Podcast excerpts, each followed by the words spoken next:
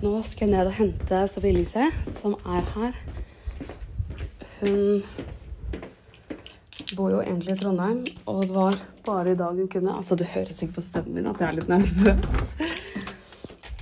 Og det er det mange som spør om jeg pleier å være, og jeg blir det, men i dag er jeg litt ekstra nervøs, for jeg er alene i studio. Vanligvis er det jo folk som jobber her, som pleier å være her, men dette er en lørdag.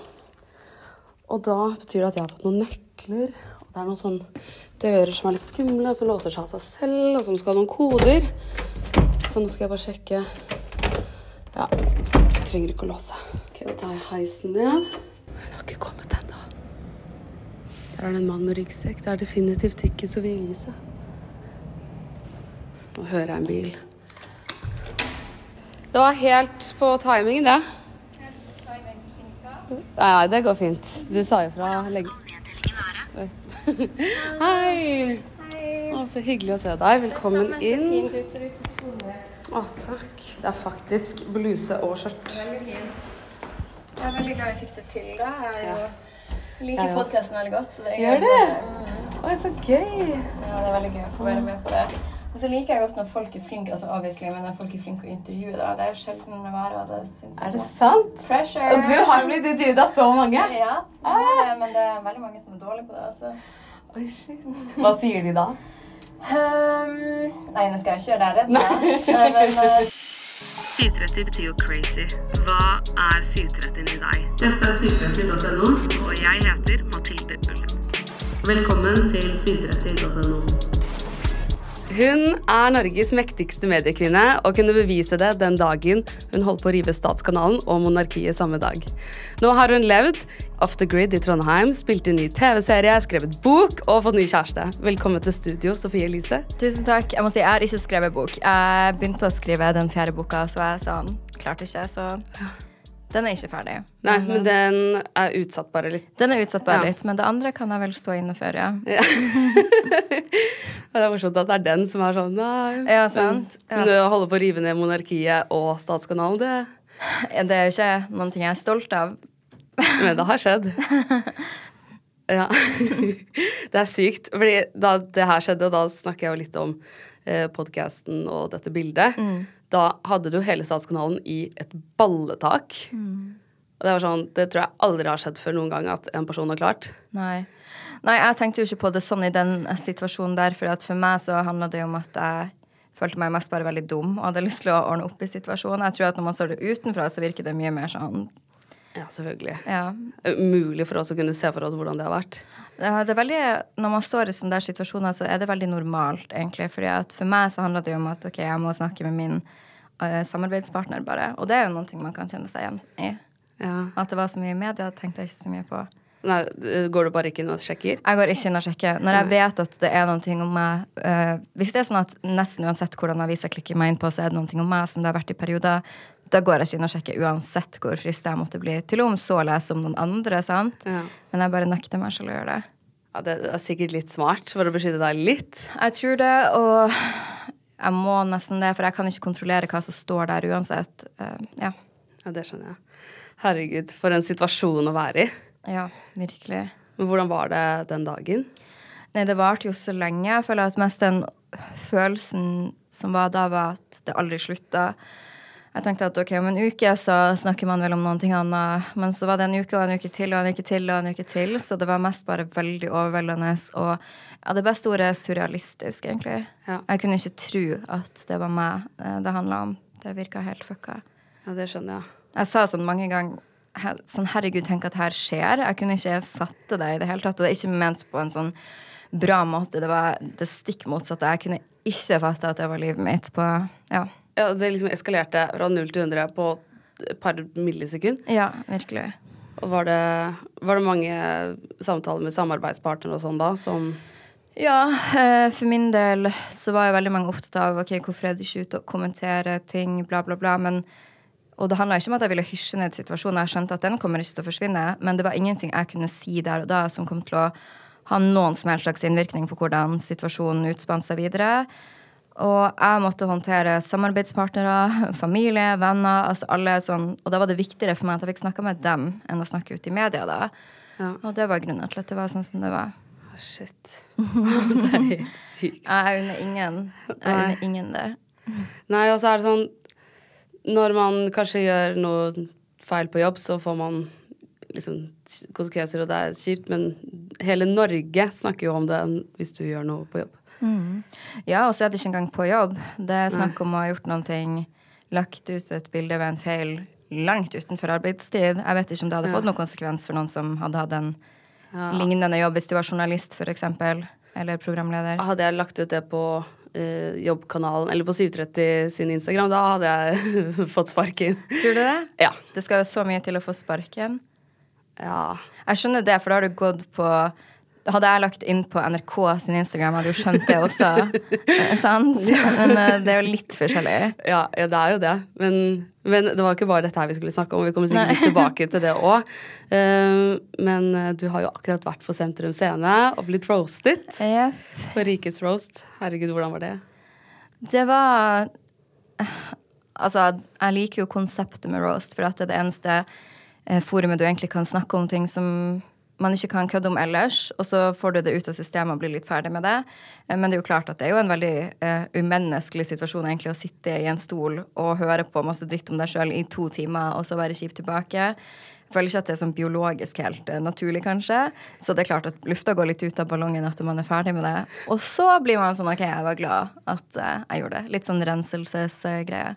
Ja, ja. Men jeg tror det er helt umenneskelig om du ikke blir litt sånn, at du får litt støkk i deg uansett. Og det tror jeg gjelder oss alle som var på scenen, eh, enten det var panel eller det var meg. ja, det skjønner jeg. Men, men hvordan forbereder man seg? Fordi Um, jeg kan jo kun snakke på vegne av meg sjøl, og jeg er jo ingen uh, komiker i det hele tatt. Men måten jeg gjorde det på uh, Jeg hadde ingen sånn måte å forberede meg mentalt på. Der tenkte jeg det får bli som det blir, og jeg vet ikke Jeg kan forberede meg litt på hva folk kommer til å si, men samme, det spiller ingen rolle. Um, jeg prøvde jo å skrive noen av mine egne spøker på forhånd, men det som er ulempen med å være sist, er jo at hvis min roast skal være bra, så må jeg spille på det de allerede har sagt om meg. Så da handler det egentlig bare om å sitte og følge med når du er på scenen, og så tenke ok, hva kan jeg si etterpå. Og det skjermer jo meg litt, for da rekker jeg ikke å tenke så mye på oi, hva er det de sier om meg nå, kan jeg bli lei meg? Jeg tenker heller hvordan kan jeg spille det her tilbake til dem? Um, så kan heller den er litt sånn åh, støkken i hjertet, den kommer litt mer som dagen etterpå, kanskje. Ja. Men også for du, du må jo liksom tenke ut hva du skal si til dem, men det du forbereder, og vet du jo ikke helt om funker. Nei. Fordi hvis du forbereder noe dritslemt, da, så er jo de altså, Kanskje det setter blir litt feil, og hvis du er dritsnill, så blir det også Det er vanskelig å vite hvor drøy man skal være. Altså, det er jo en roast, så litt frekk må man jo være, men jeg hadde aldri klart å si noe som var dritslemt. Sånn, for det er jo ikke meg. Um, det får heller være opp til de andre. Ja, de var drøye, da. Ja, var du der i salen? Nei, men jeg så på Ja, for det var mye drøyere i salen enn det som var på VGTV. For de har jo klippa bort masse. Ja. Vi var jo der i Jeg tror på VGTV så varte det i sånn én time. Ja. Vi var jo i, på scenen i to timer, så de har klippa bort Kan du si hva de drøyeste de sa var? Nei, altså det er sånn jeg kan ikke ta i min munn engang. Og jeg er ikke prippen, men da handler det om sånne store Og det her er ikke mine ord, da, men store Nei, vet du hva? Jeg tror at roast er sånn det skal være Ja. i det formatet, og Ja. de som var der, vet det. Ja. Å, Fader, at ikke jeg Ja, det var veldig dumt at ikke jeg var der. Ja, jeg tror det her er noe som eh, Det er gøy å se det på VGTV, det er jo klippa veldig bra, men jeg føler at det er noe eget å være der i salen også, når folk bare gir fullstendig faen. Ja, ja. Vi har fått noen spørsmål hvor folk syns at det var for lite drøyt, men da skjønner vi at uh, mye har blitt klippa ut. Veldig mye drøyere når man var der, og det er alt det som ble sagt om Altså spesielt om meg. Jeg vet ikke om de har klippa det bort for å skjerme meg eller noe, men nei, det var veldig mye drøyt. Oi, shit. Jeg syns Trude Drevland var litt drøy, da. Jo, men jeg synes hennes Altså, hun har fått klippa bort ting fra sin. men eh, hun var helt sjukt flink. Jeg glemte faktisk å roaste henne, uh, tenkte jeg på dagen etterpå. Um, men hun tror jeg overraska mange veldig positivt. Ja. Veldig mye sånn eh, Og det er ikke sånn hun er flink til å være gammel. Jeg syns at hun er flink, punktum. ja. Det var jævlig rått. Jeg syns hun var veldig morsom. Og så ga hun deg masse ros etterpå. Ja, det var hyggelig. Ja. Jeg, nesten, jeg vet ikke om det var med på VGTV, men eh, jeg synes nesten den frekkeste til meg var når Martin Lepperød skulle roaste meg, og så sa han at han ikke hadde noe hyggelig å si om meg, så han hoppa rett over det. Og da var jeg sånn Den er faktisk nesten verre enn alle de stygge tingene dere kan si, at du ikke kommer på noe hyggelig å si. Nei, den var Ja, den var drøy. Mm. ja, og han slakta jo Morten Hegseth òg. Ja, ja, ja. Skikkelig. Mm. Herregud. Nei, det, jeg vet ikke om jeg hadde turt det. Nei, eh, jeg, had, jeg kommer nok ikke til å gjøre det igjen. Men det tror jeg kanskje jeg sa forrige gang òg. Men jeg håper bare det ikke skjer mer i mitt liv som er verdt å ha en hel roast for, egentlig. For du har gjort det to ganger. Det er Fikk du hjelp til å skrive roasten? Ja, men eh, som sagt, når alt kom til alt, så brukte jeg typ ikke noe av det. Litt fordi at det er greit å vite sånn OK, det her har folk gjort, og sånn er de, at du kan bruke det. Men jeg må spille på det de har sagt om meg, hvis ikke blir det ikke bra. Ja. ja, det er sant. Det jeg husker du gjorde forrige gang òg. Ja. Da kom han Henrik. Ja. Og overraskende. Det var jævlig funny det du sa da. Takk. Da tenkte jeg det kan du ikke ha fått hjelp til. Da- Nei, jeg visste jo ikke at han skulle være der, så Ja. Shit, det var funny, altså. takk. Men uh, du har jo også fått ny kjæreste. Det har jeg. Hvordan er det? Det er veldig koselig. Uh, Det er jo Som du nevnte, så har jeg vært i Trondheim. Trondheim, hva er det egentlig man sier? Jeg tror jeg, tror jeg sier Trondheim. De sier vel Trondheim der? Ja, Ja. jeg sier Trondheim, det er som man skriver det. Ja. det er Ja. Trondheim. Anyways, uh, han bor jo der, for han jobber der, så derfor er jeg der også. Men jeg skal være der i ett år maks, altså ett år totalt, for at Oslo er mitt hjem. Men anyways, tilbake til han. Jo, han er en fin person. Jeg er veldig glad for at han er kjæresten min. Ja, hvordan møttes dere? Um, vi var kjærester når jeg var 14 og han var 15, så han er fra Harstad, sånn som meg. Uh, og så har vi egentlig hatt kontakt litt sånn her og der fra den gang, og så nå ja, ble vi sammen, da. Så koselig. Mm. Tenk at dere var kjærester før. Det, ja, selvfølgelig er det annerledes å være sammen nå Ja, er du gal? Men det er noen ting jeg liksom plutselig kan få sånn flashback av, der jeg husker sånn Å, herregud, så det der gjorde vi, og nå husker jeg det, og ja, det var gøy å komme hjem til han, altså til foreldrene sitt hus i Harstad, for jeg trodde jeg ikke huska det, men når jeg kom inn, så var jeg sånn Å, herregud, jo, jeg husker jo at der pleide dere å ha sånn, og ja. Så sykt koselig. Mm. Men eh, ja, du flyttet jo dit, og da skulle det egentlig bare være måned eller sommeren og så. Jo, jeg flytta dit uh, i juni, og så skulle jeg egentlig være der til ja, typ nå, september. Um, men så er jeg litt sånn Jeg har aldri bodd noe annet sted enn Harstad, der jeg vokste opp, også Oslo. Jeg kommer nok ikke til å flytte til utlandet, kanskje. Så gøy å få oppleve en annen norsk by, da. Jeg er jo veldig glad i Norge, og jeg har vært veldig mye på norgesferie, og jeg tror jeg kunne ha flytta til egentlig hvilken som helst by, jeg, bare for å gjøre det en periode. Ja, Så gøy å få teste det litt ut. ja, det skjønner jeg. Mhm. Hyggelig å kanskje komme litt vekk fra Oslo. Altså, jeg elsker Oslo. Så jeg blomstrer når jeg er her. Um, men um, det er jo det at Trondheim føles jo på en måte Altså, det er en mye mindre by, og det merker man, men det føles på en måte litt større likevel. For jeg er ikke sånn lommekjent der, og jeg må fortsatt gå med GPS-en og få nye venner. Så det er jo noe med det òg. Har du fått mange nye venner der? Ja, egentlig, ja. Det har gått ganske fort. eh, og nå har jeg litt, litt samme, samme vibe som jeg har hatt her alltid. At jeg har én og én venn i mange forskjellige gjenger spredd rundt. Og det er gøy, for da får jeg møtt eh, masse forskjellige folk. Hvordan er det å få nye venner når man er så kjent som deg? Jeg syns at det er mye enklere. altså, jeg vet ikke, Folk sier jo annerledes, men jeg syns at det er enklere, og det har jo mye med at jeg er kjempenaiv også. Så jeg bryr meg ikke så mye om folk bruker meg, fordi at så lenge de er ok, så respekterer jeg noen som høsler på, liksom, egentlig. Men uh, for meg så er det veldig sånn at jeg kan ha kjent noen her i Oslo som kjenner noen der oppe, som kan si sånn Hei, Sofie Elise har flyttet til Trondheim, vil dere møte henne? Men hadde jeg vært en helt random person, så hadde de kanskje sagt nei. sant? Ja, det er sant. Og sånn har jeg møtt mange, da. Bare blitt connecta av folk jeg kjenner her. Det er så smart. Men har du blitt brent ofte for at du er naiv, som du sier? Masse. Og jeg har jo ikke lært i det hele tatt av det, men det er jeg egentlig litt glad for òg, for jeg er takknemlig for at jeg er litt naiv og tror det beste om folk. Ja. Eh, ja, absolutt. ja.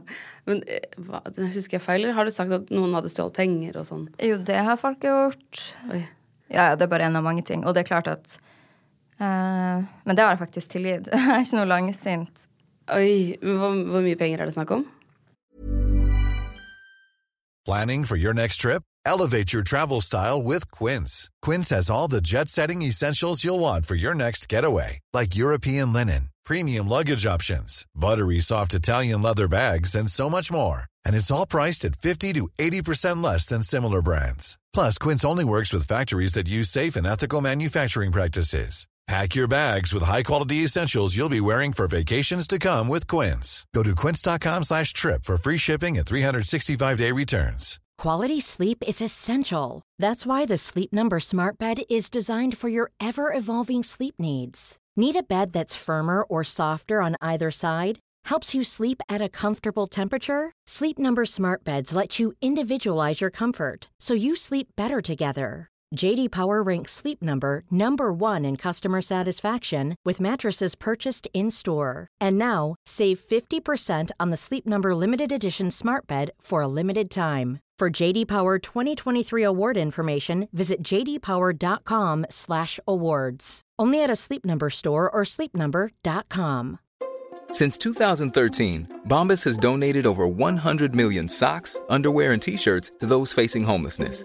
If we counted those on air, this ad would last over 1,157 days. But if we counted the time it takes to make a donation possible, it would take just a few clicks. Because every time you make a purchase, Bombas donates an item to someone who needs it. Go to bombas.com slash ACAST and use code ACAST for 20% off your first purchase. That's bombas.com slash ACAST, code ACAST. Det var vel sånn 50 000 eller noe. 50 000 som noen har stjålet av deg? Ja. Oi, men hvordan gjorde de det? Nei, det var tilgang til Men det her er mange år siden, altså. Da var jeg Ja, det er veldig mange år siden. Jeg tror det var f når jeg nettopp hadde flytta til Oslo eller noe. Å ja. Var det noen av de du hang med da? Ja. Ja. Ah, herregud, det er dritmye penger. Det er drit- De var gått inn i banken din og tatt ut? Eller ba- ja eh, sånn litt og litt. Litt og litt, da. Ja. men det er altså Ja, det var jo ikke noe hyggelig, det. Man føler seg jo litt eh, pissa på. Men så var jeg også sånn OK, jeg kan jeg ser situasjonen til den personen, og du må være ganske desperat og ha det ganske vanskelig for at noe sånt der skal kunne rettferdiggjøres. Og for meg så kunne det det. Noe annet hadde vært hvis det var noe du gjorde for å keep up med en sånn party-livsstil eller flasher eller et eller annet. Men det her var en person som hadde det vanskelig og kan det Hadde trengte det, da. Og da kan jeg tilgi det hvis man ah, legge seg flat på den måten, da. Men hva hadde du sagt hvis en person hadde spurt om å låne? Penger nå? Ja. Um, Eller nei, da, istedenfor ja. å stjele av deg, liksom. nei. det er kanskje litt drøyt. Kanskje hadde jeg vurdert det, da. Så der. Um, jeg hadde nok sagt nei egentlig til det òg, for at jeg syns ikke Også låne penger til venner er jo ekstremt komplisert. Det skal være en ganske god grunn og en god plan på det. For at jeg hater den tanken på å skulle mase på noen. Og så er det ofte det narrativet om at ok, jeg har penger, så hvis jeg da spør kan jeg få tilbake det du har lånt av meg, så virker jeg gjerrig. Så da ender det med at du bare låner, og så skal jeg aldri noen ting igjen. Og det er ikke en situasjon jeg vil sette noen i, egentlig. Å, shit. Ja, det skjønner jeg. Åh, ja, nei, det, hørtes, å, det hørtes veldig komplisert ut, ja. Ja. Det er mye mer komplisert å ha en venn som stjeler av deg, da. ja, det er det jo.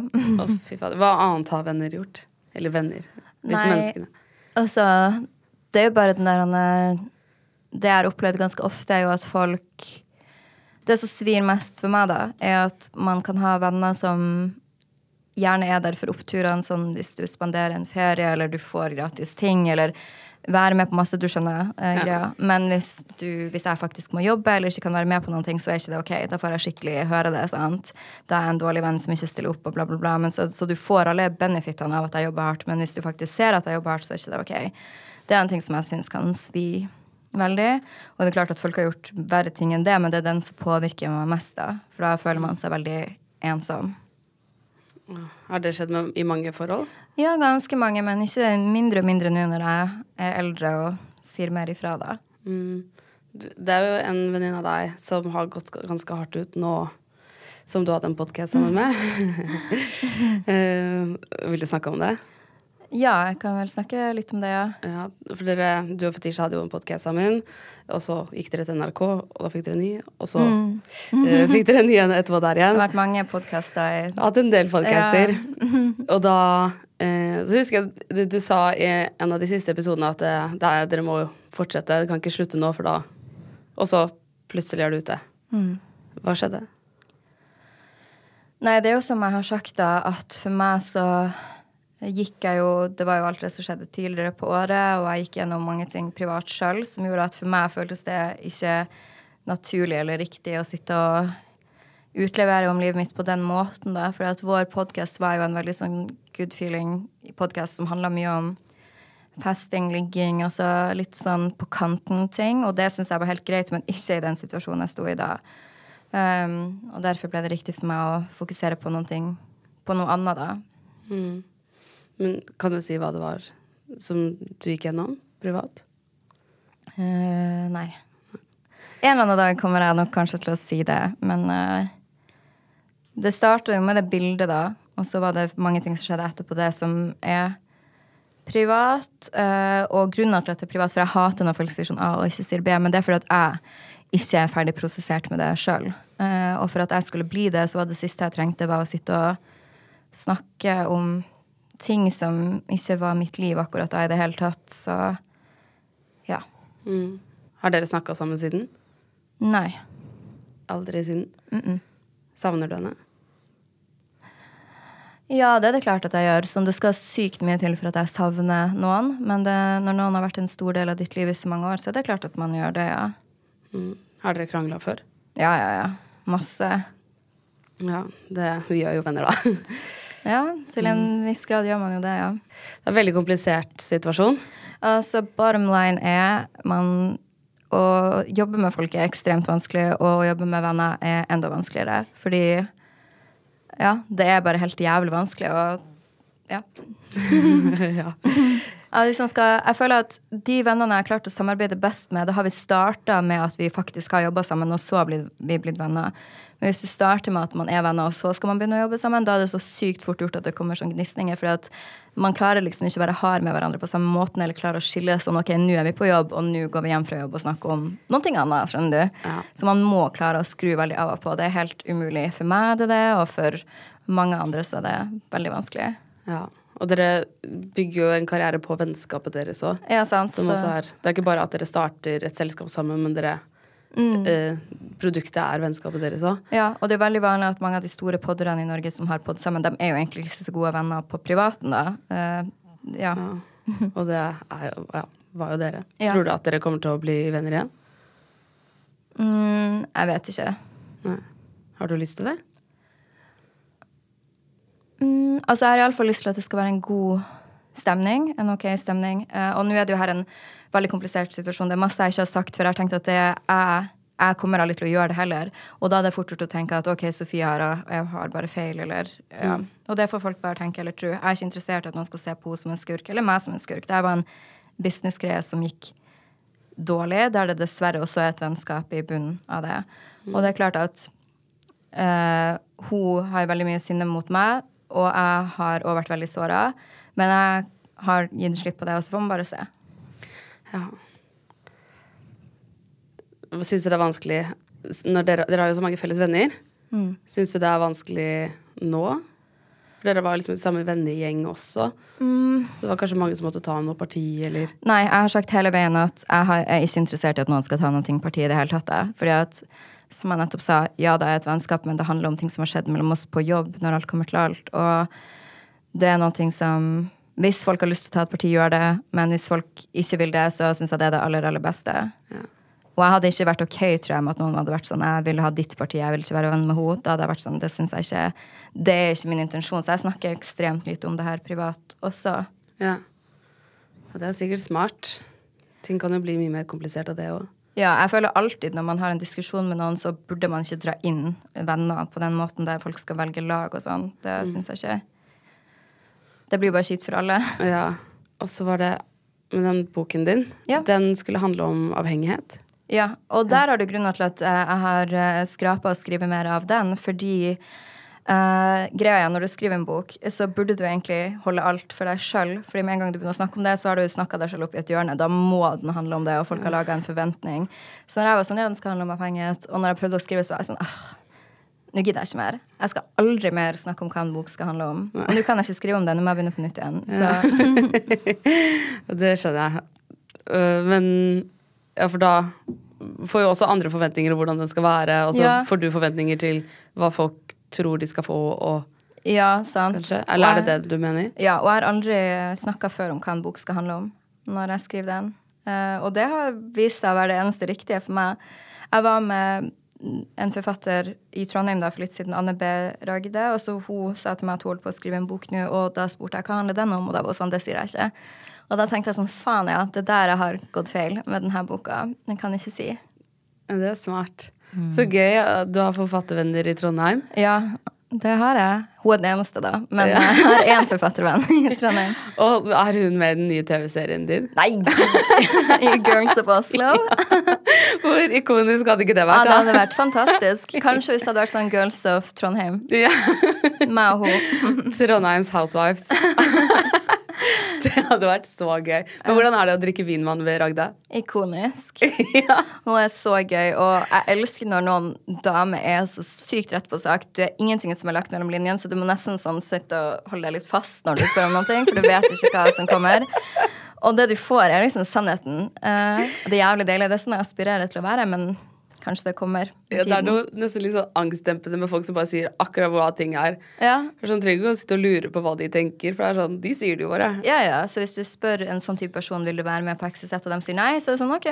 Ja. Det er ikke vits å prøve å overtale, eller prøve å Det er sånn det. Nei, det har jeg ikke lyst til. oh my god, ikonisk. Men hva, hva får vi se i TV-serien Girls of Oslo? Um, altså, jeg tror den blir veldig bra. Uh, jeg håper at folk vil uh, få seg Amazon Prime for å sjekke det ut. Ja. Det er jo uh, um, noe helt annet enn f.eks. bloggerne, som jeg sjøl har vært med i og vært veldig glad i å gjøre. Og noe helt annet enn min egen serie som jeg har gjort. Nei, hva du vil vite, da? Sånn konkret. Um, er, blir det mye drama mellom deg og venninnene? Det blir faktisk det, og det er jo fordi at det her er jenter som er på jobb, da.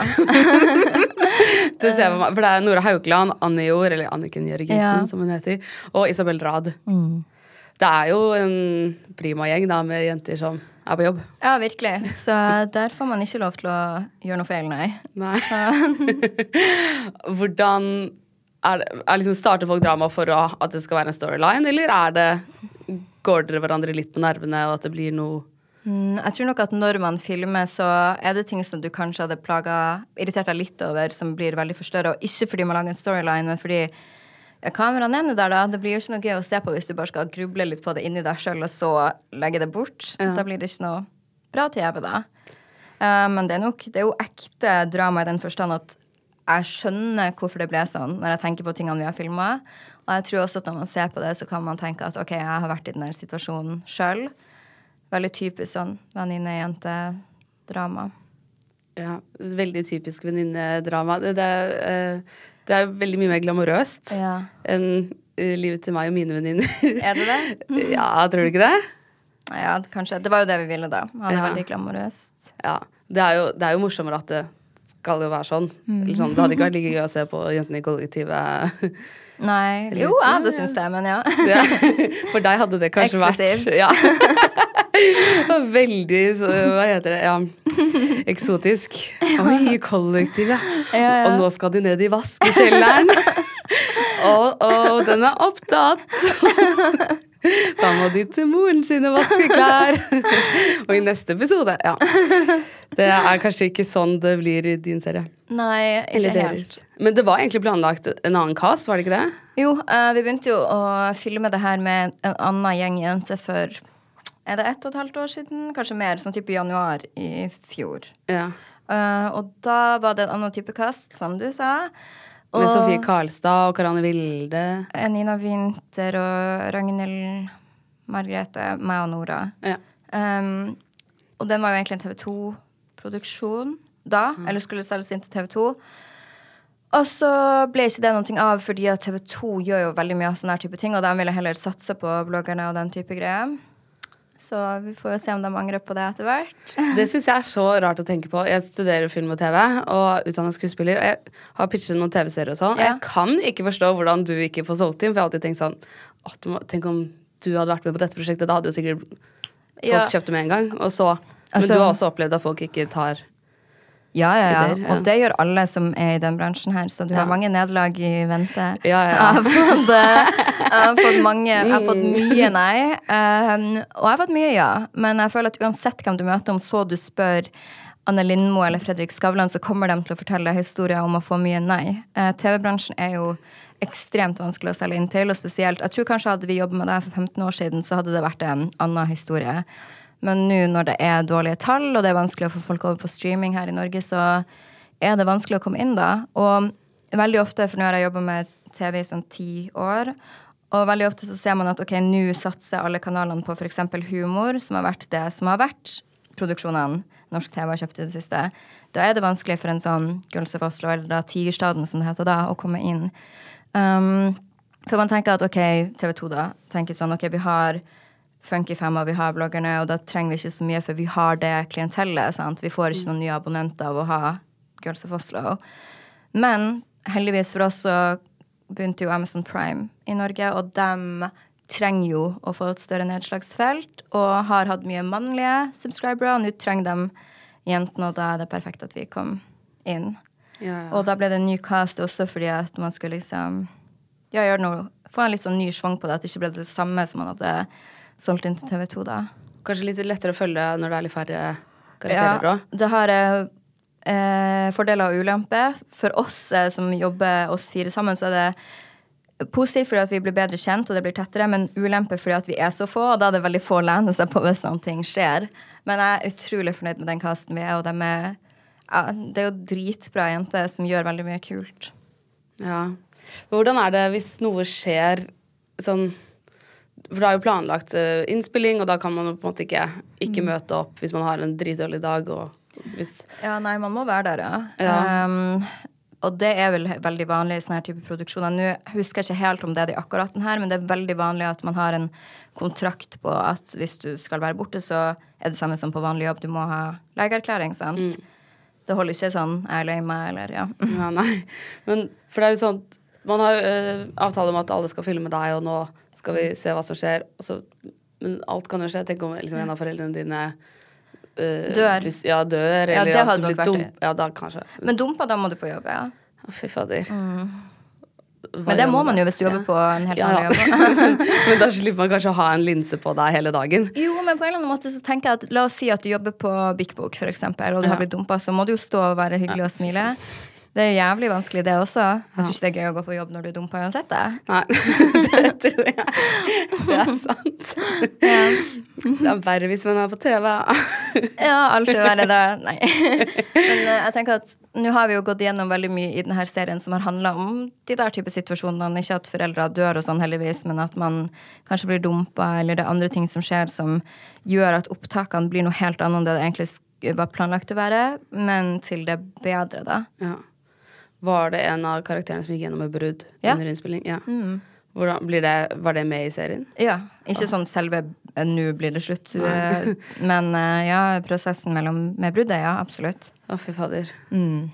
Det er jo en av de verste følelsene man kan gå gjennom. Um, men uh, relatable TV blir det iallfall. Mm. Ja, ja, ja. Jeg har jo sjøl i ting jeg har filma, bloggerne og sånn, for lenge siden Stemmer, eh, typ slått opp på TV, tror jeg. To ganger. Vet jeg ikke om jeg har gjort det. Jo, jeg tror det. Ja. Det er ikke noe gøy. Eller ja. Eller var det litt gøy? Når man er ung og veldig på på den måten. Nå hadde jeg syntes det hadde vært helt forferdelig, men når du er 19, så kan, tenker du litt sånn Ja, ja. Da fikk jeg i hvert fall sette litt penger på det. da. Ja, sant. Det er kanskje litt det man tenker da. ja. ja, tenk alt det man kan tjene penger på. For eksempel i brudd. Ja, tenk. Ja, heldigvis, da. Det er jo bra at man kan kapitalisere litt på det. Ja.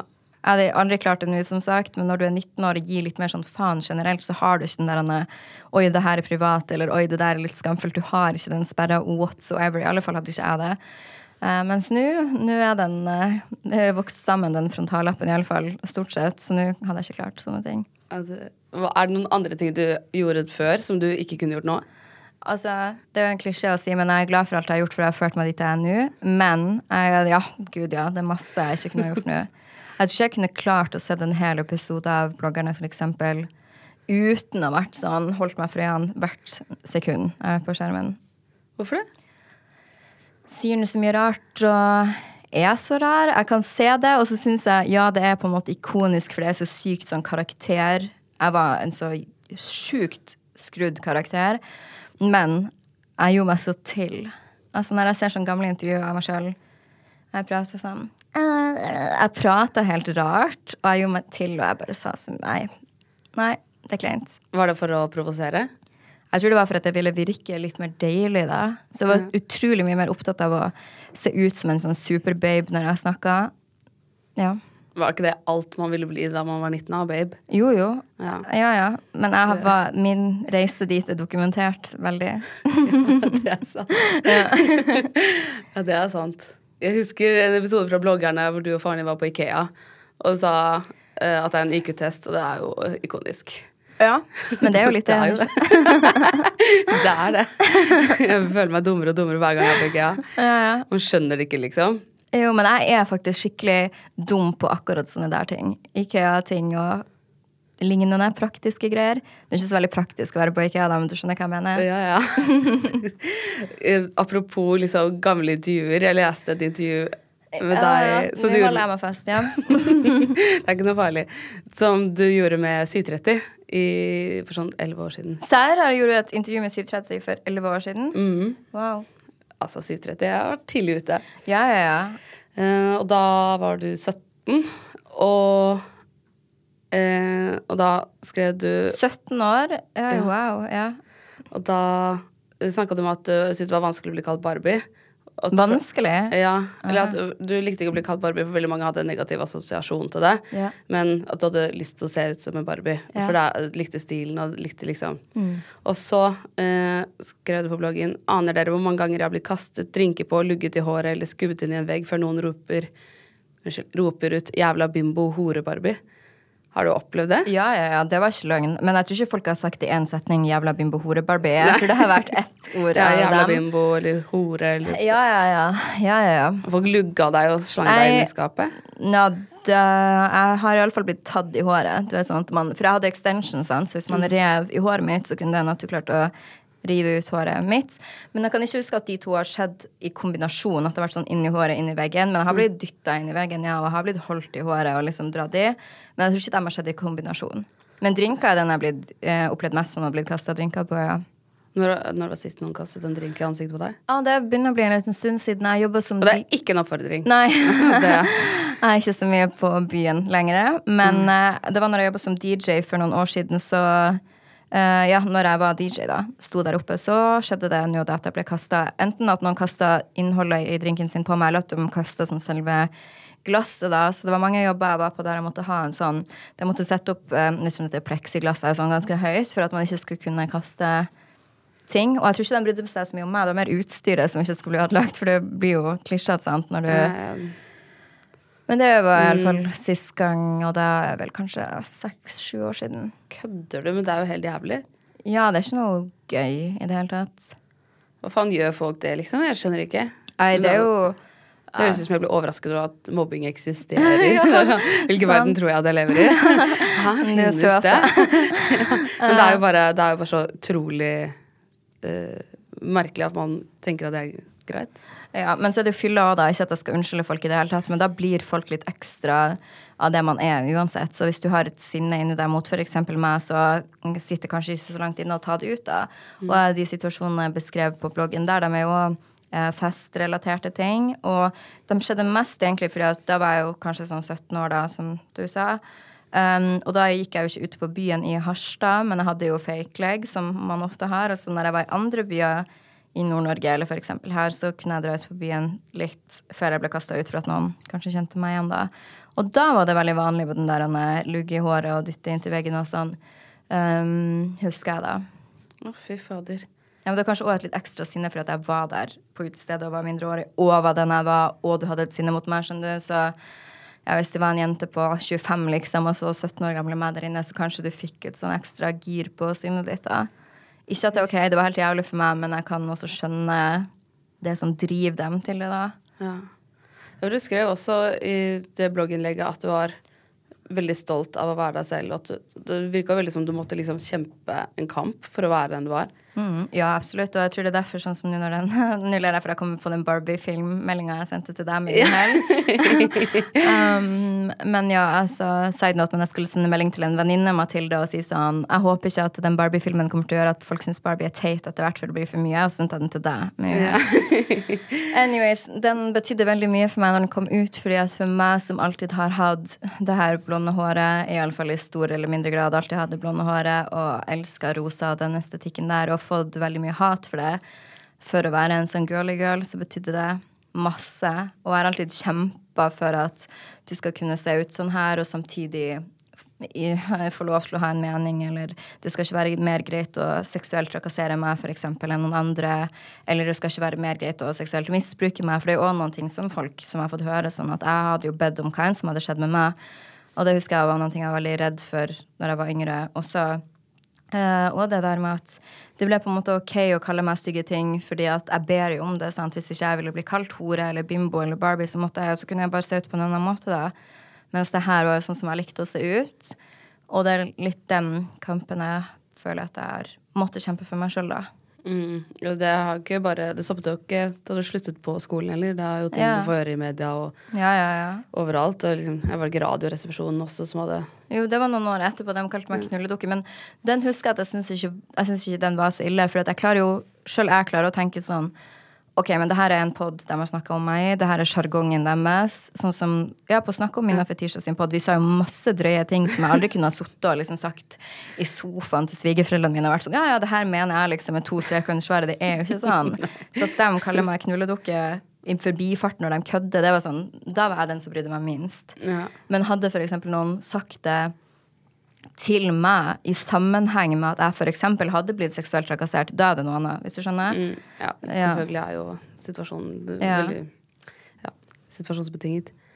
Eh, men ja, det virker som du er vant til å liksom stå i stormen helt fra du gikk på skolen til nå, egentlig. Ja. At det stormer rundt deg. Ja, absolutt. Jeg har alltid vært en sånn person som har vært kallet kontroversiell fordi jeg har eh, sett ut sånn som jeg gjør nå. Jeg har stort sett sammenhengende fra jeg var kanskje sånn 14. Jeg husker jeg hadde sånn Altså det er ikke rart at jeg fikk høre ting heller, på en måte, men jeg husker jeg hadde sånn Playmate-singlet, sånn rosa, på meg når jeg var 14 på skolen.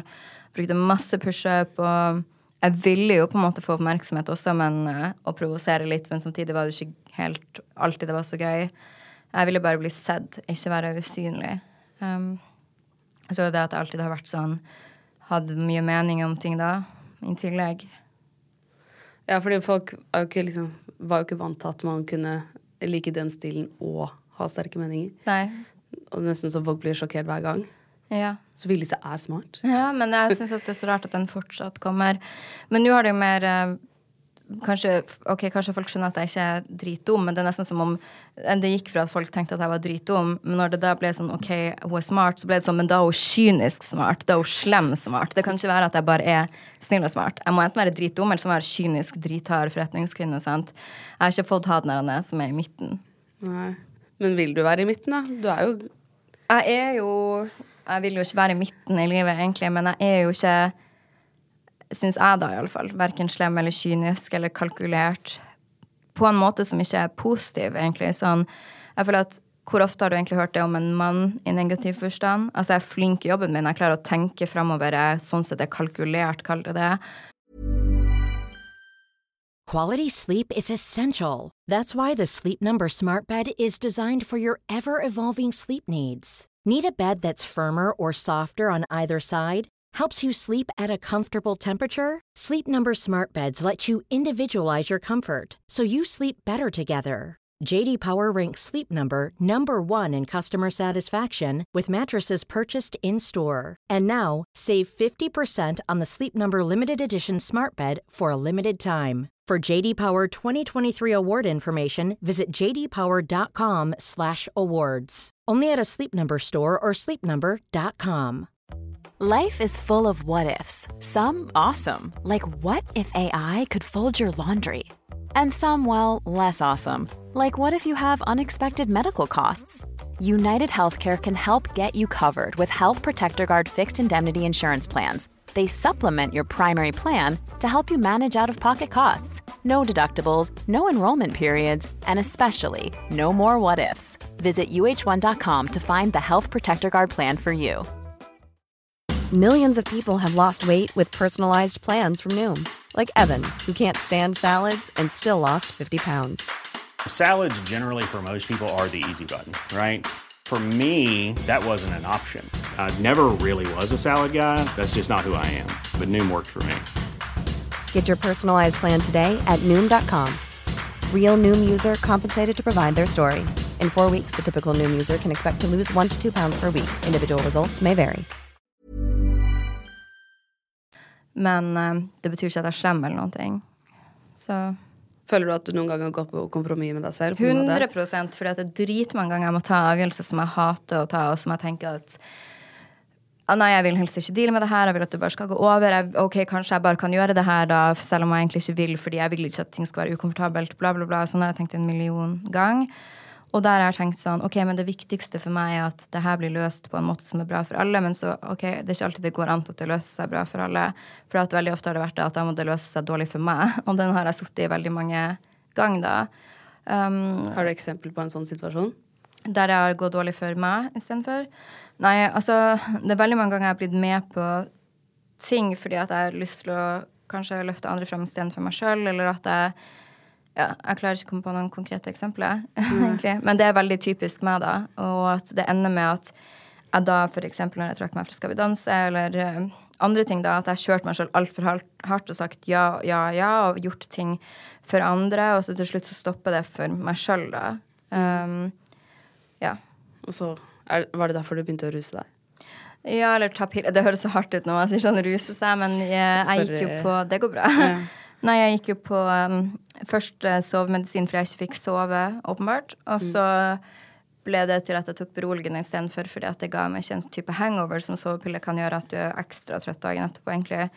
Og så hadde jeg så mye angst at jeg begynte å ta de pillene tidligere og tidligere på dagen, og til slutt så gikk jeg på en så stor dose per dag at det ble vanskelig for meg å slutte uten å bli syk, da. For når jeg prøvde å slutte sjøl, så ble jeg sånn eh, Da får du jo abstinenser, og da Det kan jo være farlig, det. Og da skjønte jeg at ok, jeg klarer ikke Jeg vet ikke hvordan du nedtrapper på en forsvarlig måte, og jeg vet ikke om jeg klarer å nedtrappe og samtidig jobbe og sånn.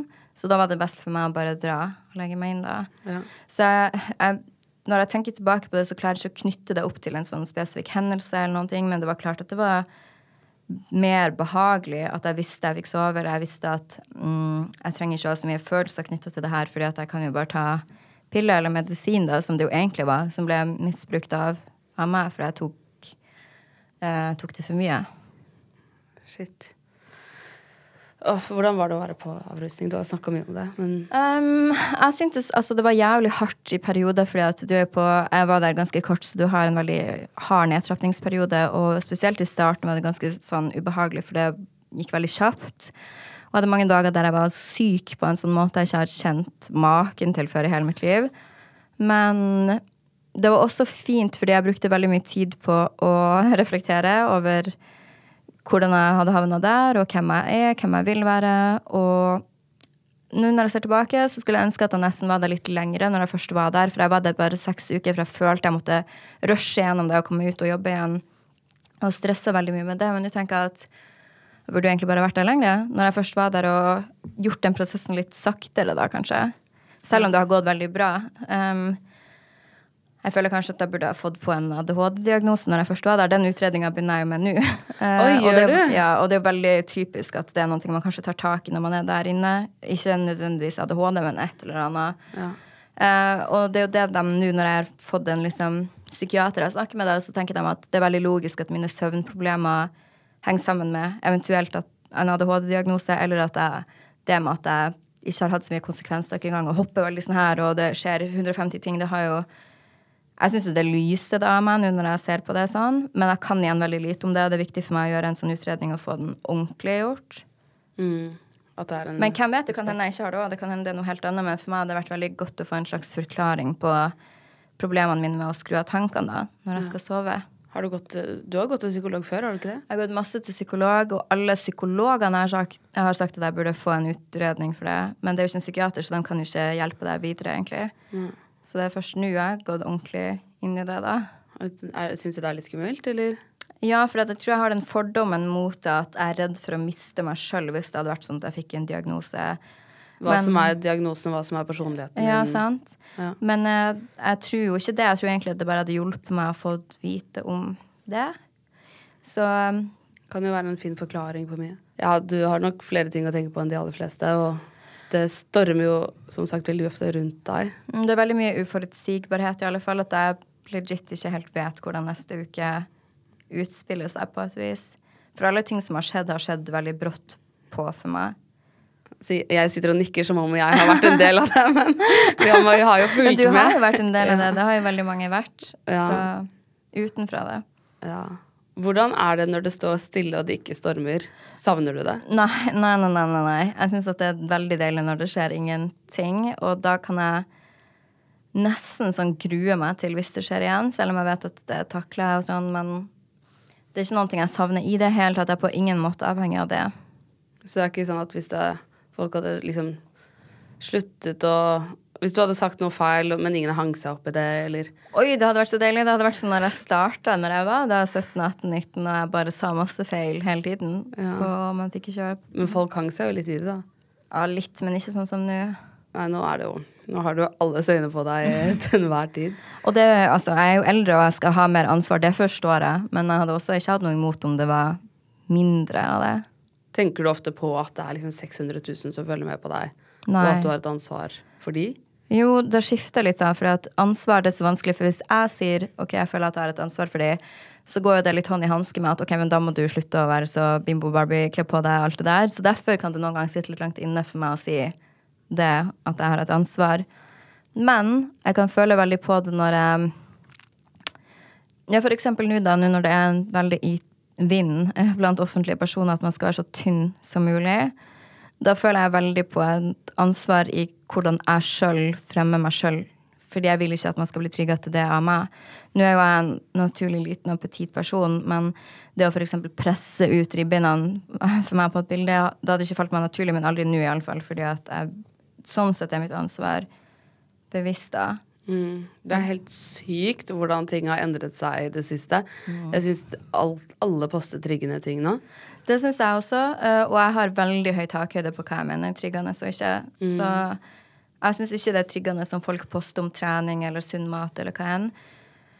Men jeg kan bli trigga på den der at man skal være så tynn som mulig, og at det blir jo nesten heia på uansett. Fordi at det blir jo det, da. Man kan ikke sammenligne det med å være overvektig. Man kan argumentere frem og tilbake om at den ene er like usunn som den andre. ok, ja. Men å være større har jo aldri vært noen ting som folk har på en måte higa etter på samme måten. da, Og det er jo en fair sak sånn er det, og derfor kan man ikke holde de to opp mot hverandre sånn som man gjør da.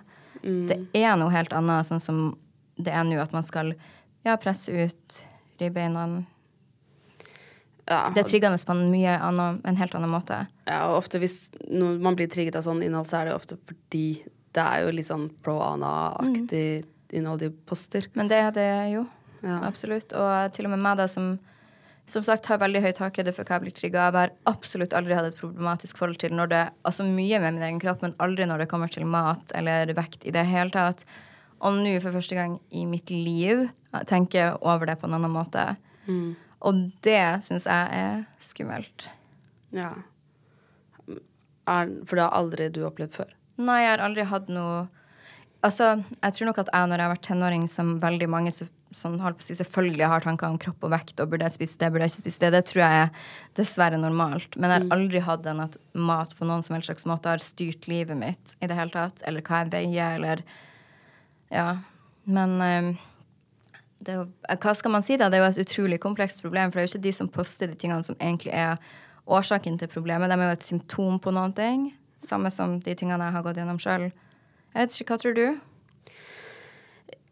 Jeg mistenker jo at de som poster det innholdet, er slitt selv. Ja, ja, og det må man jo være veldig forsiktig med, at man skal ikke mene noe om andre sin kropp som punktum, syns jeg, da, men iallfall hvis det er noen som sliter sjøl.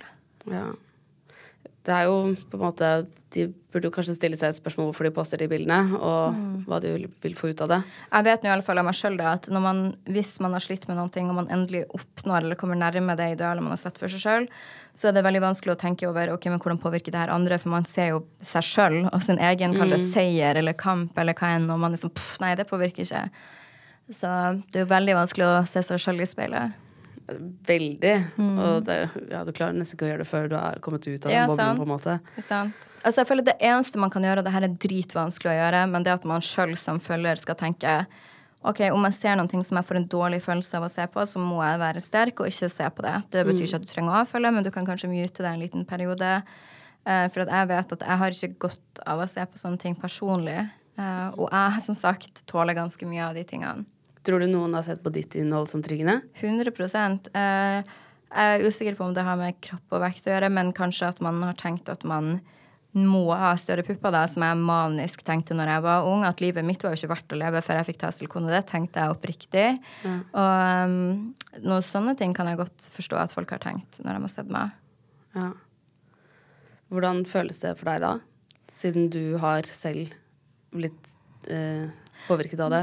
Den blir jo litt sånn todelt, fordi at eh, det er ikke det at jeg skal heie på silikon sånn, men det er jo mye mindre farlig det enn å f.eks. ha en spiseforstyrrelse.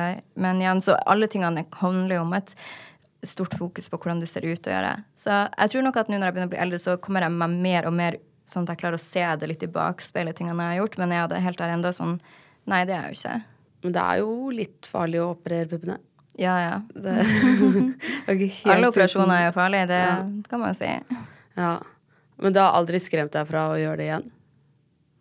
Nei, fordi at hvis man tenker på rent det der det farlige greia, så har jeg ikke tenkt så mye på det. fordi at sett i sammenligning med for eksempel ja, hvor farlig det egentlig er, da, så er det jo ikke så stor risiko egentlig hvis man, det er det som skal holde deg unna å gjøre det. Da måtte det jo heller handle om sånn, ok, vil jeg bruke de pengene på det, er det egentlig så viktig for meg, hvordan kommer det til å bli når jeg blir gammel? De der argumentene hadde stått høyere for meg. Men jeg merker jo at det her blir jo for meg, uansett hva jeg sier, så blir det å snakke seg sjøl inn i et hjørne. Sant? Jeg er jo ikke helt virkelighetsfjern. Jeg vet jo hvordan jeg ser ut, jeg vet tingene jeg har gjort om meg sjøl. Så for meg, ja, jeg kan ha noen mening om den trenden som er nå, men den går på en måte ikke an å snakke om uten at jeg må snakke om meg sjøl. Og der igjen så er jo jeg inni min boble og tenker at å ja, men jeg er jo happy med tingene jeg har gjort, sant. Og så blir jo den litt vanskelig, fordi ja. Ja. Det blir jo også litt feil at ikke du skal kunne snakke om Uh, den trenden vi ser i sosiale medier nå, uten Ja, men jeg påpek- påpekte det jo selv, så da Ja, men begge delene handler jo litt om det samme, så jeg skjønner hva Jeg skjønner hvorfor. Mm. Ja, men jeg syns det er bra du påpeker det, fordi Og nå tenkte jeg på dette her med triggende innhold, fordi det her det er så ekstremt nå. og Jeg syns man ser det overalt. Jeg ser det på liksom ikke bare kjendiser, men folk, ja, folk jeg kjenner Ja. som er sånn hva, Hvorfor poster du dette nå? Hvorfor Folk har rast ned i vekt, og det er Ja, men det er veldig mange som tar Osempic, da. Ja. Sånn helt vanlige folk og slanke folk gjør det jo. mm.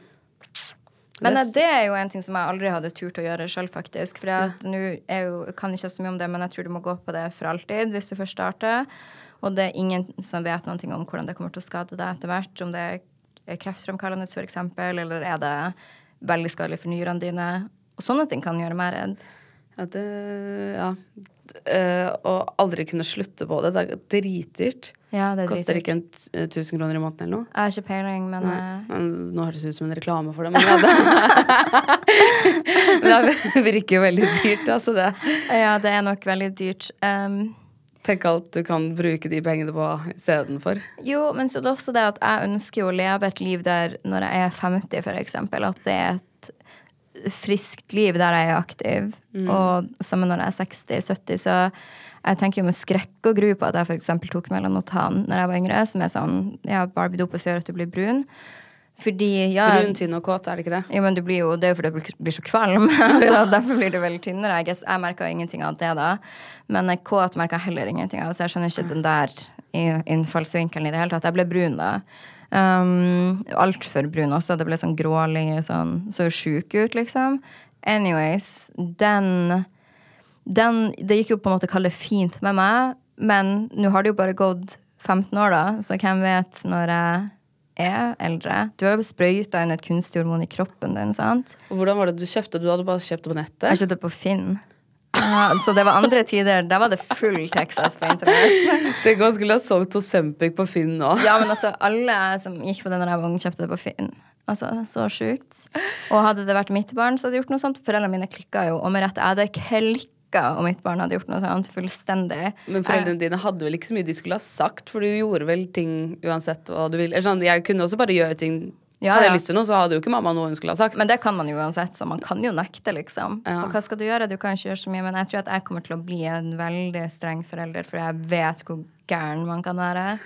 Så. Hva var det sykeste du gjorde? Altså, greia var at Jeg gjorde ikke så mye egentlig sjukt. Jeg kunne jo vært sånn frekk mot foreldrene mine eller hatt masse fester, og sånn gjorde jeg ikke. Men de tingene jeg gjorde, var jo så sprø. Sånn som at jeg gikk på det melanotan-greia. og uh, Jeg husker et par ting. Jeg gjorde? det? Ja. OK, så Det var, eh, var ikke da du var hos kusinen din, så hadde du eh, logget deg inn på hennes Blogg, ja. Ja. Logga meg inn på hennes blogg og linka til min egen. Det er ganske sjukt. Det fikk jeg skikkelig mye kjeft for, og det skjønner jeg òg. Men du fikk deg dit du er i dag. Ja, nå hadde jo jeg hadde jo en tanke bak det, sånn sett, så Men um, Tror du du kunne ha spurt henne? Ja, det? ja, ja, ja. Så det er det som er så idiotisk ved det hele. Hun er verdens snilleste person. Um, men det, så var det jo mye det med at jeg hadde sånne sexy fotoshoots når jeg var 16-17. Um, og det òg kan man jo si fikk meg hit jeg er i dag, men hadde det vært mitt barn Ja, det hadde nok ikke vært greit. Um, å, da glemte jeg hva jeg skulle si. Jeg har så mange spørsmål. Jo, men jeg husker en annen ting. Hadde du ikke fake leg når du skulle ta Restylane?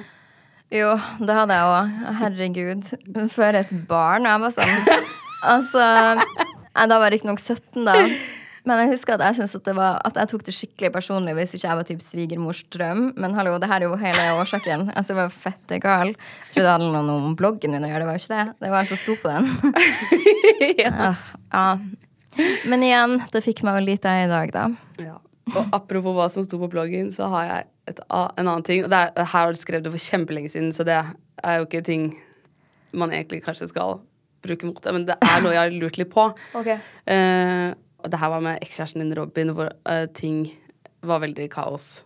Ja. Uh, og han hadde sagt noe om at jenter må veie under så og så mye. Ja. Og så hadde du sagt Robin er i likhet med meg sinnssykt god på markedsføring og vet nøyaktig hva man skal si for å få en reaksjon. Å, herregud. Altså, bare den setninga der får meg til å cringe så sykt. Men ja. Og da, hva, hvor mye er det av det du gjør som du gjør bevisst for å få en reaksjon? Jeg tror nok at det jeg mente der, var at ok, selv om eksen min Robin kunne bruke det at han skjønte hva folk kom til å bli provosert over til sitt kalde favør Nå var jo ikke det favør. Hvor fikk det han? Hvor er han i dag, liksom? Men um, jeg, jeg Men jeg tror jeg mente det for å gjøre et febrilsk forsøk på å forsvare han det. Jeg, kan jo, jeg kan jo sitte her, og så vet jeg jo hva som hadde provosert veldig hvis jeg hadde gjort det. er jo alle, Men jeg gjør jo ikke de tingene. Eh, så jeg, jeg var kanskje Jeg tror aldri jeg egentlig har vært opptatt av å provosere sånn sjukt nok. Jeg var mye mer sånn careless og carefree i å være meg sjøl før, men den meg sjøl har jo blitt eldre og kalt det liksom kjedeligere, da. Jeg tror jeg har fått angst av tanken på å skulle liksom skrive noen ting.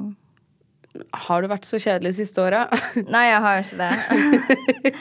Men det har ikke, det har ikke vært med vilje. Sånn det, ja, som det bildet eller alt som skjedde, har ikke vært noe jeg har gjort for å få en reaksjon. I det hele tatt. Ja, for det var veldig mange som trodde at det bildet var med vilje. Det ville jeg jo aldri ha gjort. Sånn for å En ting er jo hvis det bare var meg, det er jo det at det er det jo ikke. Og sånn, ok, så jeg hadde risikert alt jeg hadde for å få litt oppmerksomhet. Det er jo ingen mening Nei. i det hele tatt. Så for meg, på det punktet jeg var i livet mitt akkurat da, så var jeg på et veldig sånn spennende og bra sted, der veldig mye hadde akkurat skjedd, og veldig mye var på vei til å skje. Jeg gleder meg skikkelig til 2023, og så skjer det der, så blir jo hele året annerledes. Så det ville jeg ikke ha gjort med vilje. Uh, men hun venninnen din var jo sammen med en som har en mor som skal bli dronning. Hvordan var det? Nei, jeg tenker at hele grunnen til at det der var ekstra ille for meg, var jo hun og hennes konsekvenser i det hele. For det er jeg som har lagt ut uansett. Nå kan ikke jeg detaljene i hvordan alt det der var, eller det kan jeg jo, men det er jo privat, på en måte. Ja. Så ja. Jeg skjønner at ikke du kan svare, men jeg er Ja. veldig nysgjerrig. ja. Men uh, ja, det må jo ha vært Fikk dere NDAs? Nei, det kan du sikkert ikke svare på. er det ikke sånn? Jeg har ikke fått noe. NDA. Det hadde du vel sagt om du hadde fått det òg. Ja, kan man si det? Jeg vet ikke. Jeg vet ikke. Nei. Jeg har aldri hatt en NDA selv. Mm. Men det hadde vært har du, har du fått en NDA før? Jeg har fått en DA. Det er ganske vanlig når man ikke er i sånne situasjoner som det her. Men i jobbsammenheng, kanskje? Ja. Ja. ja, det er jo ikke så spennende, på en måte. Nei, det er ikke det. Men det har ikke vært sånn fordi du har vært på Skaugum, eller fordi du har eh, vært med en eller annen veldig kjent person, Nei. så har du fått en NDA? Nei. Nei, nei. Er du klar for en spørsmålsrunde? Ja, det syns jeg er så gøy, tror jeg. Instagram spørsmålsrunde. Instagram spørsmålsrunde. Eh, hva betyr ekte kjærlighet for deg? Ekte kjærlighet er jo når du elsker noen nesten mer enn du elsker deg sjøl. Altså at du setter dem foran deg. Eh, Har du gjort det i ditt forhold? ja, men på en første gang på en sunn måte, hvis du skjønner. Sånn at når jeg har hatt forhold før, så hadde det på en eller annen måte dreid seg en del om meg, for det er meg og mitt liv her i Oslo, bla, bla, bla. Men eh, hva er ekte kjærlighet? Jeg vet ikke. Man kjenner det vel bare, gjør man ikke det? Jo. Ja. Ja, det, ja, det føles litt ut som en psykose, kanskje. Ja, og så- jeg har aldri hatt psykose, så jeg Og så føles det veldig trygt. ja, Det er min erfaring. ja. Forholdet ditt nå føles trygt. Ja. Ja, du har jo satt han ganske langt foran deg, da, når du har flyttet til Trondheim for han. ja.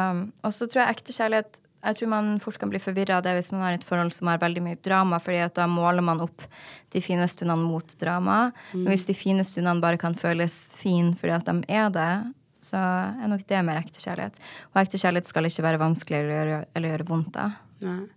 Nei, men når du begynner å si ja, men når det er bra, så er det veldig bra, da Ja. vet du at du kanskje ikke er i et veldig bra forhold. Mm. Fordi de fleste har det bra. Stort sett, ja. Men ja. Har du noen nye prosjekter på gang? Uh, ja, det er jo den Girls of Oslo-serien som kommer nå snart. Det er vel nytt? Det er jo absolutt noe nytt. Og så kommer jo boka til neste år, men det her er jo ting folk vet, da. Og Rikets Roast kom for noen dager siden. eh, og så er det jo Det er flere ting som liksom kommer til å skje, men igjen, dritkjedelig, man kan ikke si det. Nei, Er det TV? Nei, faktisk ikke, men det er noe, det er noe Klesmerke? Nei, det er det heller ikke. Hadde du sagt ja hvis du hadde Ja, gjettet riktig? sagt, jeg hadde sagt ja hvis du hadde riktig. Ok, ok. Uh, Så da kan du slutte å gjette, for da blir det sikkert å gjette riktig. Kanskje det er noe med The Shade? Nei. Nei. Ok. Uh, kunne du flytte tilbake til Harstad? Nei, det kunne jeg ikke. Det har jeg gjort, og det var fint å ha oppveksten min der, men jeg kan ikke se for meg å bo der som voksen i det hele tatt. Trondheim er borderline for lite. Ja. Oslo er akkurat stort nok. Det er mitt hjem, ja, Oslo. Hva syns du om at flere av gjestene til Fetisha pluss én har roastet deg i podkasten? Det er ikke min sak, tenker jeg.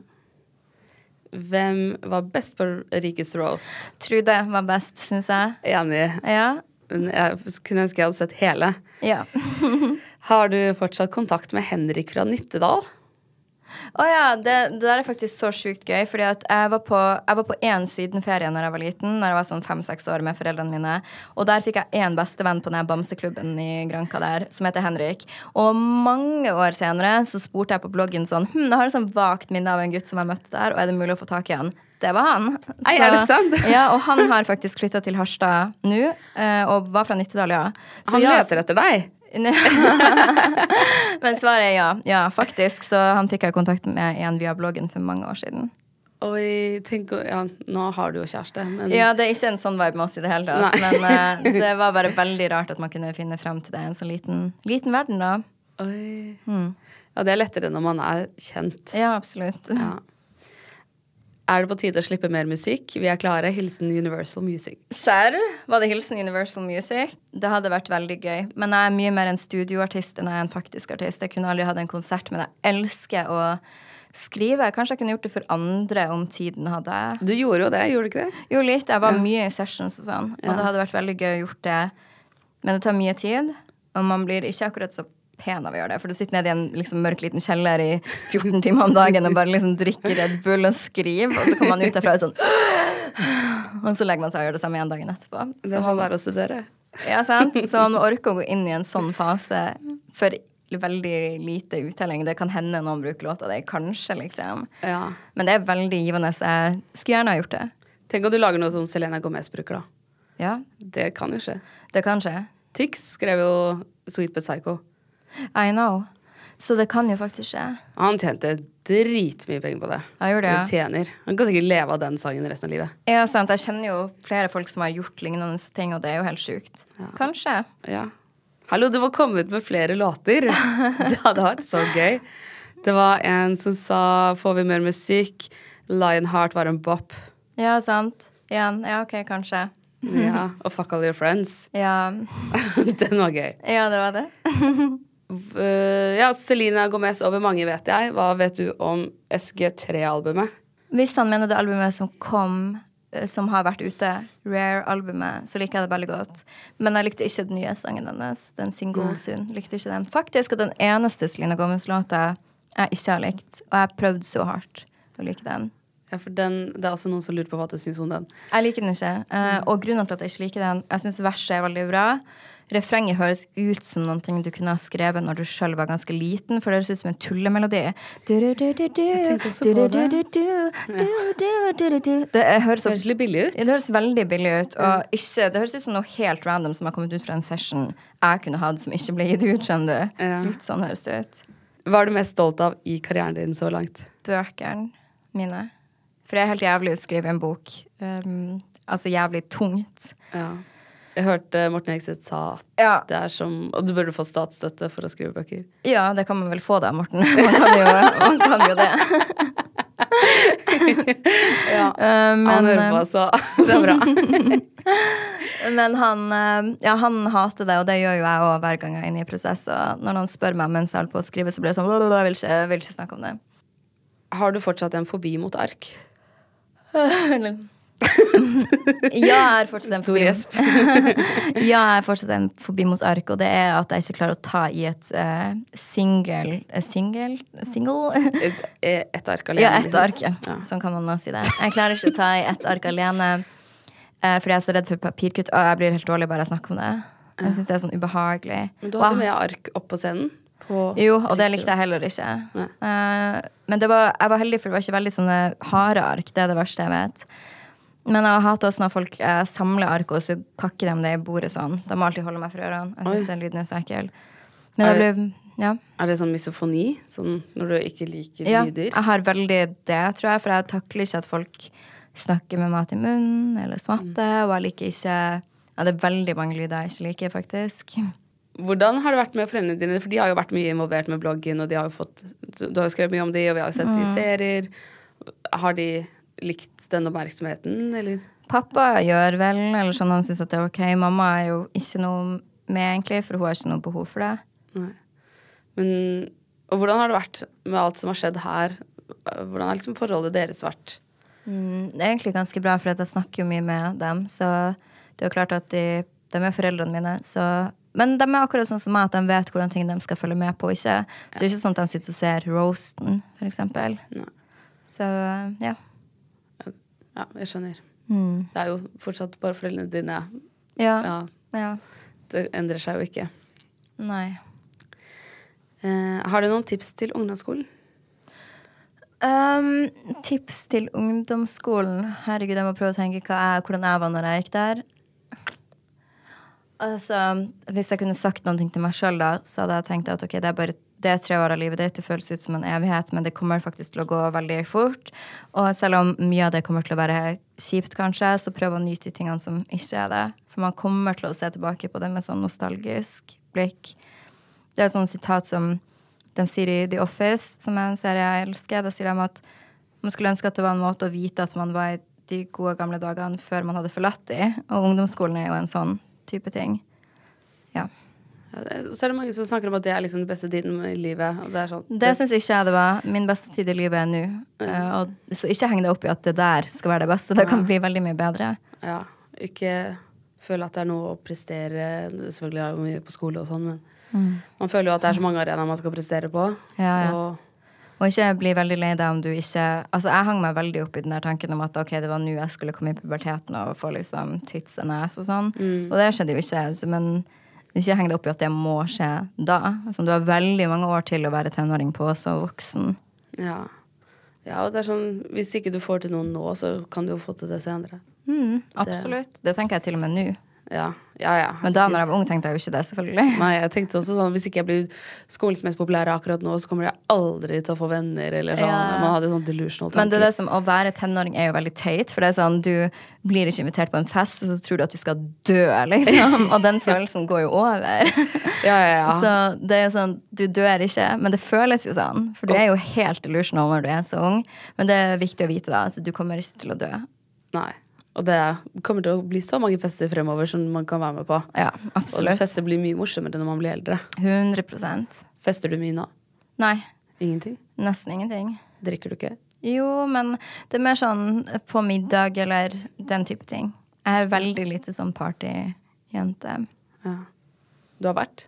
Ja, ja, men jeg har aldri vært sånn nachjente i det hele tatt. Så partyjente, ja, litt, men ja. Ja, men ikke nå. Er det gøy å feste i Trondheim? Jeg har ikke gjort det ordentlig. Jeg tror jeg har vært ute én gang i Trondheim, og det var før jeg flytta dit. Var det gøy? Det hva, når var det, da? Da var jeg vel ute midt i påsken eller noe sånt. Det var helt OK. Hva er det kjæresten din jobber med siden han må bo i Trondheim? Han har en helt sånn vanlig jobb. Er det, vil du holde han hemmelig? Ja, ja.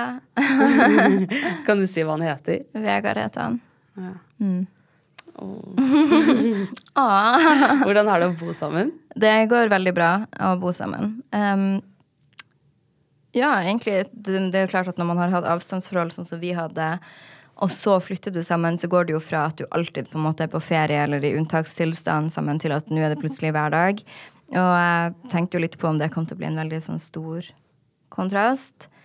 Um, og man blir jo litt sånn Oi, shit, sånn er du på noen ting. Hva kan det være? Nei, hva er det han gjør da? Bruker liksom tannpirker hele tiden og bare slenger den rundt omkring. Ja, det er noen sånne ting man bare Å ja, det er sånn man gjør det her, men Ja. Men eh, det er jo ikke så farlig, det heller. Så jeg tenker at å være samboere går også mye på at man, det er noen ting man bare må ikke bry seg om. Og det er jeg sikker på at han gjør med meg også. ja. Man trenger ikke å vite alt om seg selv. Nei. Men dere har jo akkurat blitt sammen, eller? ja, vi ble sammen uh, tidlig i år. Ja. Hvor lenge har dere vært sammen da, cirka? Jeg holdt nå på en liten stund, føler man Ja. Altså fra våren, da. Tror du han kan flytte til Oslo? Ja, det vil han, ja. Ja.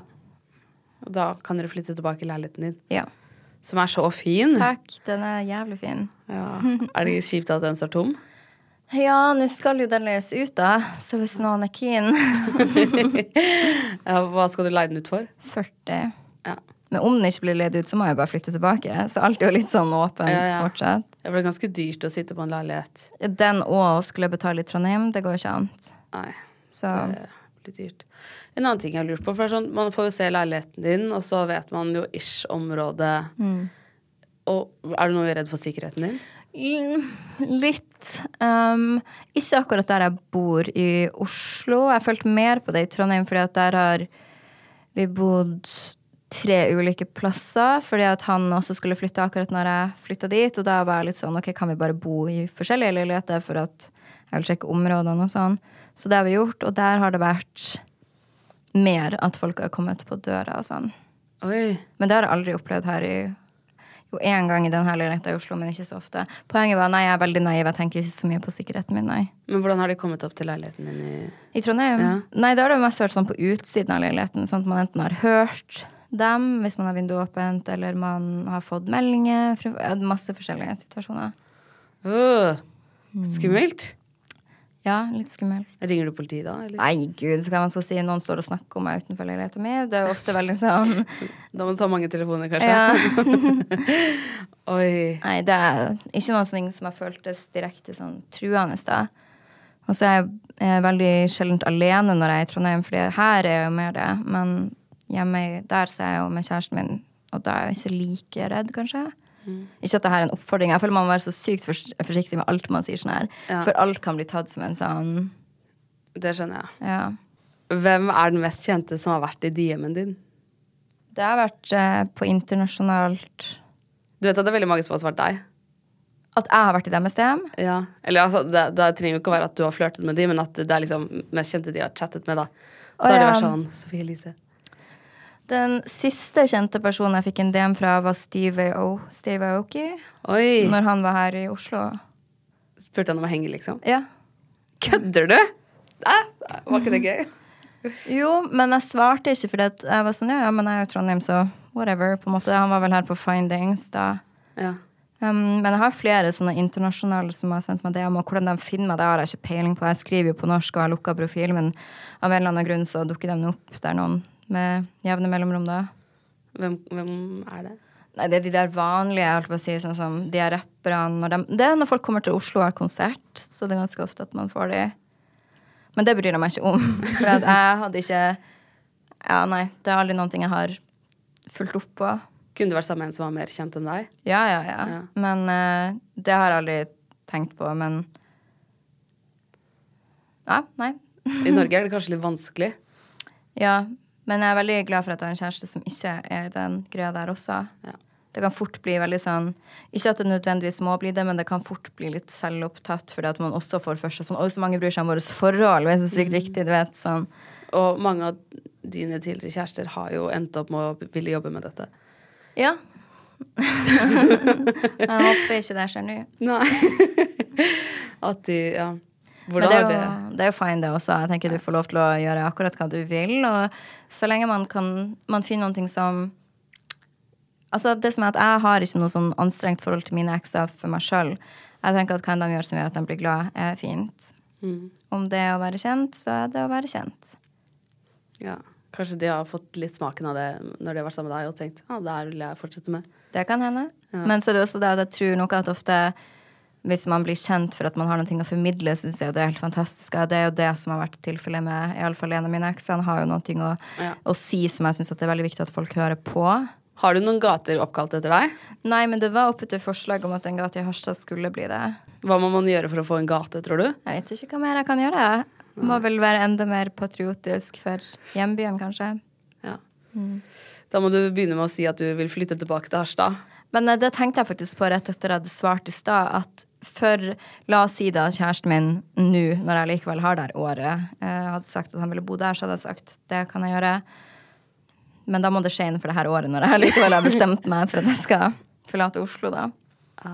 Er hverdagen din veldig annerledes nå kontra når du bor i Oslo? Den er mye mer sånn housewife-aktig på det med at jeg står opp når han drar på jobb, og så trener jeg, og så ordner jeg meg, og så noen ganger så Jeg gjør jo veldig mye PC-jobb, da. Har møter på Teams og jobber sånn sett veldig administrativt. Men så plutselig begynner dagen å dreie seg litt om at jeg venter på at han kommer hjem, og det har jeg egentlig aldri opplevd før da. Så sånn sett er den veldig annerledes. Ja, for nå jobber du nesten litt sånn ni til fire-aktig. Jo, og så når klokka begynner å bli sånn tre-fire, så tenker jeg sånn OK, nå kommer han hjem om en time, og da er det bare å løpe rundt og rydde og vente, liksom. Oi. Ja, for har jo du Når du er i Oslo, så er det kanskje mye mer møter ute. Jo, og sånn som nå, han er jo her nå, uh, i Oslo med meg, og nå er det jo en lørdag, og jeg er nå her, på en Ja. måte, så Det er veldig hyggelig, litt- forresten. Ja. det samme, men det er litt andre veien rundt, kanskje. Eller nå er jo for så vidt han ute og sosial, så han sitter jo ikke og venter på meg. Så scratch that. Har han mange venner her òg? mm, han har det. Har dere mange felles venner? Ja, veldig. Fra, fra way back, men også sånne nye vi har fått. Han har fått via meg, da. Ja. Og jeg har fått via han i Trondheim, så ja det er hyggelig. mm. Nei, Det høres ut som du har det veldig bra om dagen. Det er veldig. Takk. Har det vært godt for deg å flytte? Veldig, men ja, skikkelig. Eh, 100 For da får jeg eh, Jeg elsker Oslo, som sagt, men det er veldig ofte mye festing. Og jeg har hatt et helvetes år der jeg har trengt å bare lande litt og være rolig og ja, fokusere litt mer. Jeg har alltid vært veldig glad i å manifestere, f.eks., og det har jeg ikke kunnet gjort det siste året, for jeg har vært så sykt i ubalanse på hva jeg vil og hvem jeg er i det hele tatt. Og nå er det tilbake igjen. At jeg har en sånn flow i at ok, det her er meg. Tror du det er fordi du har kjæreste?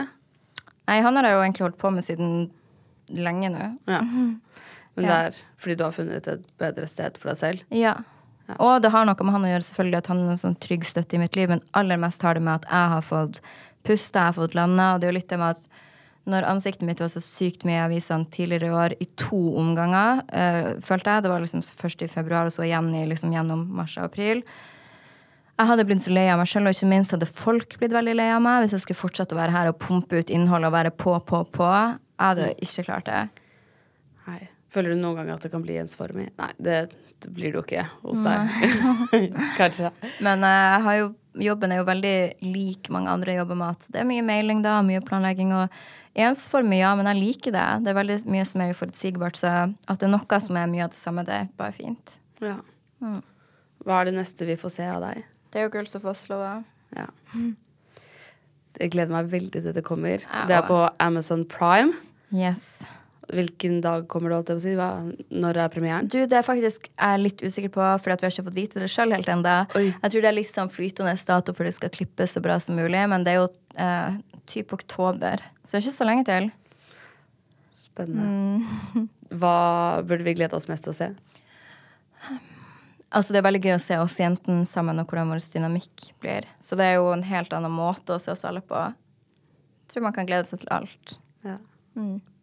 Da gleder vi oss til å se. Ja. Tusen takk for at du ville komme, Sofie. Tusen takk selv. Det er én ting jeg har hatt så lyst til å spørre Sofie om, og som jeg glemte da hun var i studio. Så har jeg gått rundt og vært sånn åh, hva er svaret på dette? Så jeg tenkte jeg må bare ringe henne. Håper hun tar den.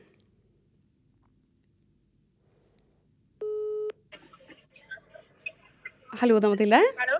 Ja, hei. Hei. Du, jeg lurte på om jeg kunne spørre deg om noe, for jeg glemte å spørre deg da du var her i podden i studio. Ja, ja. Um, jeg lurte på, Har du hørt på podkasten Fetisha pluss 1? Ja, det har jeg selvfølgelig gjort. Hva syns du? altså, jeg syns at den er veldig bra, for at Fetisha er jo sykt flink til altså, nummer én å gjøre podkast, men også det formatet med å ha gjester. Så jeg var egentlig aldri i tvil om at jeg kom til å like den, men jeg liker den, eh, jeg liker den veldig godt. Å, så hyggelig. Ja, det er veldig hyggelig å høre. Jeg er veldig glad for at hun fortsetter med det her, og at, hun, at det går så bra, da. Ja. Tusen takk for at du hadde lyst til å svare på det. Ja, tusen takk for at du ringte. Ha det. Ha det.